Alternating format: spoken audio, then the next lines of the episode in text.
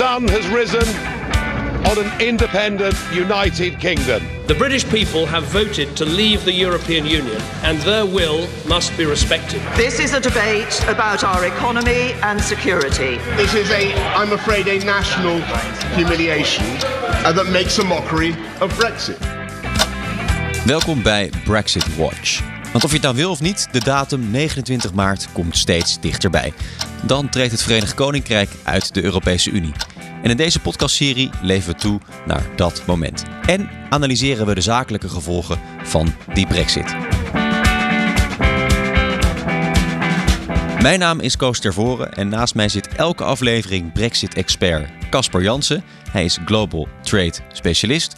En elke aflevering duiken we in een specifiek domein. En deze keer is dat met Jeroen Bel, specialist op het gebied van BTW. En beide heren zijn natuurlijk van EY. Heren, welkom. Laten we eerst even beginnen met het nieuws dat jullie meenemen naar deze podcast. Jeroen, wat is jou opgevallen deze week? Ik zag een foto in The Guardian waarin uh, Juncker en May elkaar weer eens ontmoeten om over de backstop te praten. Waarbij Juncker voorzichtig een hand uitsteekt en May daarnaar kijkt alsof ze iets heel vies ziet. En ik vind dat een tekenend beeld voor hoe de onderhandelingen de laatste tijd gaan. Er is niet veel vertrouwen en ik heb niet het gevoel dat mensen nog zin hebben zelfs. Een moeilijke relatie. Casper, wat is jou opgevallen? Nou, dat het zowel uh, uit de Labour-partij als uit de conservatieve partij dat er gewoon parlementariërs zijn opgestapt. Dat betekent dat uh, mevrouw May heeft al niet het, grootste draagvlak onder het parlement.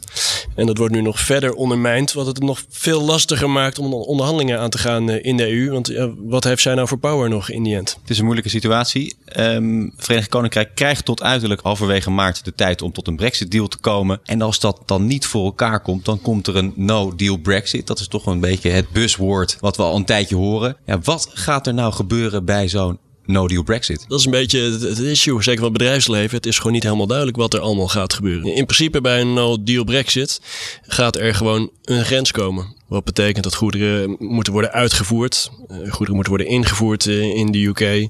Dat Europese regelgeving niet meer van toepassing zal zijn in de UK. Welke regelgeving is dan wel van toepassing bij zo'n no-deal Brexit? In wezen, je moet voor veel wetgeving of voor veel transacties die je doet, moet je gevestigd zijn in een land. En in het EU-perspectief zegt men vaak, op het moment dat je gevestigd bent in de EU, dan is regelgeving die je in, in één land haalt, vergunningen, die zijn in heel de EU geldig. Op het moment dat je nu een vergunning hebt gehaald in de EU, nou is zo'n vergunning later in de UK niet meer geldig.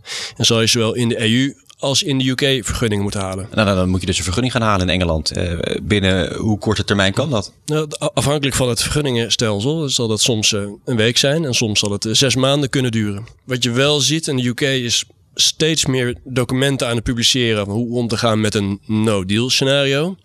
Nou, in veel van die documenten staat dat in het begin zal de UK een overgangsrecht hanteren, waarbij eigenlijk veel licenses en vergunningen die gehaald zijn in de EU voor een bepaalde tijd zullen worden gerespecteerd in de UK. Maar goed, dat is vanuit het Verenigd Koninkrijk. De EU stelt natuurlijk andere eisen. Nou ja, de spijker op zijn kop. Dus inderdaad, in de UK zal dat enigszins wat helpen voor de imports in de UK. Maar de exports van de UK naar het vasteland, nou, daar helpt dat helemaal niks voor. De EU zal gewoon zijn vaste regels hebben en je zal gewoon een vergunning moeten halen in een EU-land, niet zijnde de UK. Daar gaat waarschijnlijk wat chaos ontstaan op het moment dat die no-deal Brexit er komt. Uh, Jeroen, voorzie jij dat ook? Nou zeker. Ook uh, eventjes dan inhakend op het feit dat die vergunningen aangevraagd moeten worden dat is iets wat uh, een deel ge, gewoon procesmatig is, maar waarbij toch ook altijd mensen betrokken zijn. En die mensen zijn er in voldoende mate, zeker met de kennis die je nodig hebt om bepaalde vergunningen aan te, uit te kunnen geven. Um, in Engeland is het probleem uh, onder erkend, maar dat is nog lang niet opgelost. Want elke keer als ze mensen bij de overheid aannemen, worden die drie keer zo hard weer weggeplukt om het bedrijfsleven in te gaan, om daar na de brexit iets te kunnen. Dus in, in de UK heb je al een enorm probleem op mensen die iets kunnen op vergunningen en ander gebied. En in de EU hebben we dat in feite ook in iets mindere mate, omdat de pijn gespreid wordt, maar wel hetzelfde probleem. De Nederlandse douane is becijferd, heeft ongeveer duizend man nodig, nieuwe mensen. Nou, er zijn nu ongeveer 500 aangenomen die in principe ook nog uh, voor een groot deel moeten worden opgeleid. Precies, dat is ook misschien één of twee jaar. Nou ja, absoluut. En als je dan denkt dat Nederland het best voorbereide land is, of in ieder geval een van de best voorbereide landen, nou, je kan je voorstellen hoe de chaos uh, elders is. Nou, zei uh, staatssecretaris Snel wel in een brief aan de Tweede Kamer dat bij een harde brexit of mogelijk no-deal brexit toch een kortdurend overgangsrecht komt. Moet dat ons geruststellen? Nee, uh, op bepaalde punten wel. Op bepaalde punten zal er overgangsrecht mogelijk zijn. Uh, maar bijvoorbeeld op het gebied van douane- en goederenrechten. Uh, de EU heeft een hele hoop documenten gepubliceerd. Echt meer dan 100 speciaal voor dit soort dingen. Waarbij het noodzakelijk is dat je gevestigd bent in de EU. Waarbij echt heel duidelijk in elk van die documenten staat... er komt geen overgangsrecht. Je zal je vergunningen en je licenses, et cetera, moeten behalen in de EU.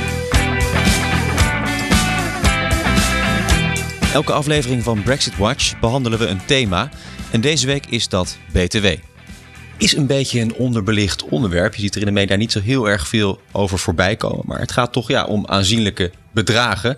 Ja, wat staat ons te wachten na de Brexit als het gaat om de BTW? Um, bij de BTW gaat het vooral om het feit dat we eigenlijk al lang de regels kennen die gelden voor handel met niet-EU-landen. Want daar hebben we er meer van dan wel EU-landen. En dus hebben we er al regels voor. Dus alles wat er gebeurt is geen verrassing. Het is meer het voorbereid zijn op wat er gaat gebeuren. En je bewust zijn waar je aan moet gaan voldoen. En dat is sterker op het gebied van uh, goederen dan bij diensten. Want dat is een onderscheid wat relevant is voor de BTW. Bij goederen, hè, wat, uh, wat we eerder ook al zeiden, gaat er invoer en uitvoer plaatsvinden in plaats van uh, nu intra-EU-handel. En dat betekent vaak een stukje financiering als je het niet goed regelt van, van BTW.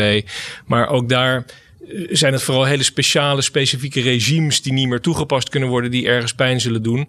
En bij diensten is er eigenlijk nog minder last. Dus er zijn dingen die je goed moet voorbereiden en waar je heel erg van bewust moet zijn en waar je misschien ook nog wel op kunt sturen en plannen. Laat het even concreet maken. Ja. Als uh, ondernemer in Nederland en je importeert goederen, producten uit het Verenigd Koninkrijk, dan zit er vaak BTW op. Na de Brexit, wat gebeurt er met die BTW? Nou ja, dat is uh, iets heel typisch. Als je nu een goed uit Engeland koopt, uh, geef je in je eigen aangifte aan hoeveel BTW je moet betalen. En in diezelfde aangifte trek je die BTW weer af. Dus die zie je wel, maar die voel je niet, zullen we maar zeggen. Formeel na de brexit voer je een goed in. Op het moment dat het fysiek Nederland inkomt, moet je de BTW betalen. En die vraag je uiteindelijk in je aangifte weer terug. Dus er zit een stukje financiering in.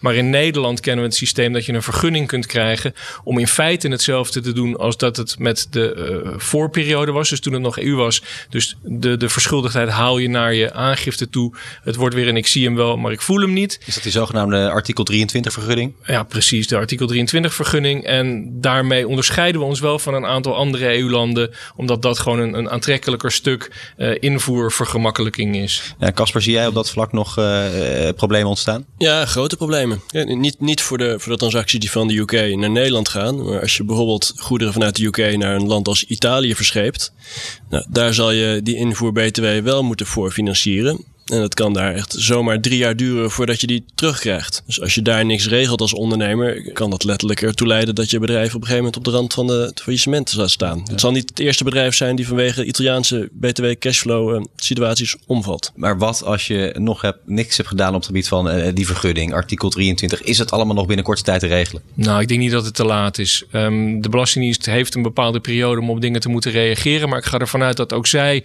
zich meer dan bewust zijn van de urgentie die die door deze brexit uh, is ontstaan. En dat als je er morgen mee begint, je gewoon nog steeds op tijd kunt zijn. Laten we nog even kort ingaan op de IT-systemen van bedrijven. Want daar is ook nog wat mee aan de hand. Ja, want tot nu toe hebben we het natuurlijk ge gehad over vooral de regels zelf. Maar wat bedrijven moeten doen is natuurlijk ook alles wat ze uh, veranderen, inregelen in hun ERP-systemen. En dat is uh, ook nog wel eens een weerbarstig proces, omdat je daar je IT-mensen en budgetten voor moet vrijmaken. Ook daar zien we gewoon de beweging dat heel veel bedrijven hier al heel erg goed mee bezig zijn. En ook daar geldt weer, um, zodra deze podcast is afgelopen, uh, bel je IT-mensen en je uh, budgetmensen en moet je dit gewoon gaan regelen. Heren, nog even kort aan het einde. Wat moeten we uh, meenemen? Waar moeten we nu nog even aan denken? Nou, in ieder geval twee dingen die ondernemers moeten doen als ze er nog niet mee zijn begonnen, is het ja, op orde krijgen van je ERP-systemen en het aanvragen van de benodigde vergunningen. Helemaal eens, maar en vooral kijk naar welke goederenstromen heb je nou echt tussen de UK en, en, en, de EU. En kijk daar goed naar en kijk wat heb ik nodig om ervoor te zorgen dat ze ook na de brexit uh, die goederenstromen door kunnen gaan. En zo niet, uh, misschien moet ik dan wel een, uh, nou, maar een warehuis vol gaan gooien van tevoren. Een beetje opstapelen alvast in het Verenigd Koninkrijk. Een beetje stapelen kan nooit kwaad. Dank Brexit-experts Jeroen Bel en Casper Jansen. Dit was EY Brexit Watch. Wil je op de hoogte blijven van alles wat er speelt omtrent de Brexit? Abonneer je dan via Spotify of iTunes.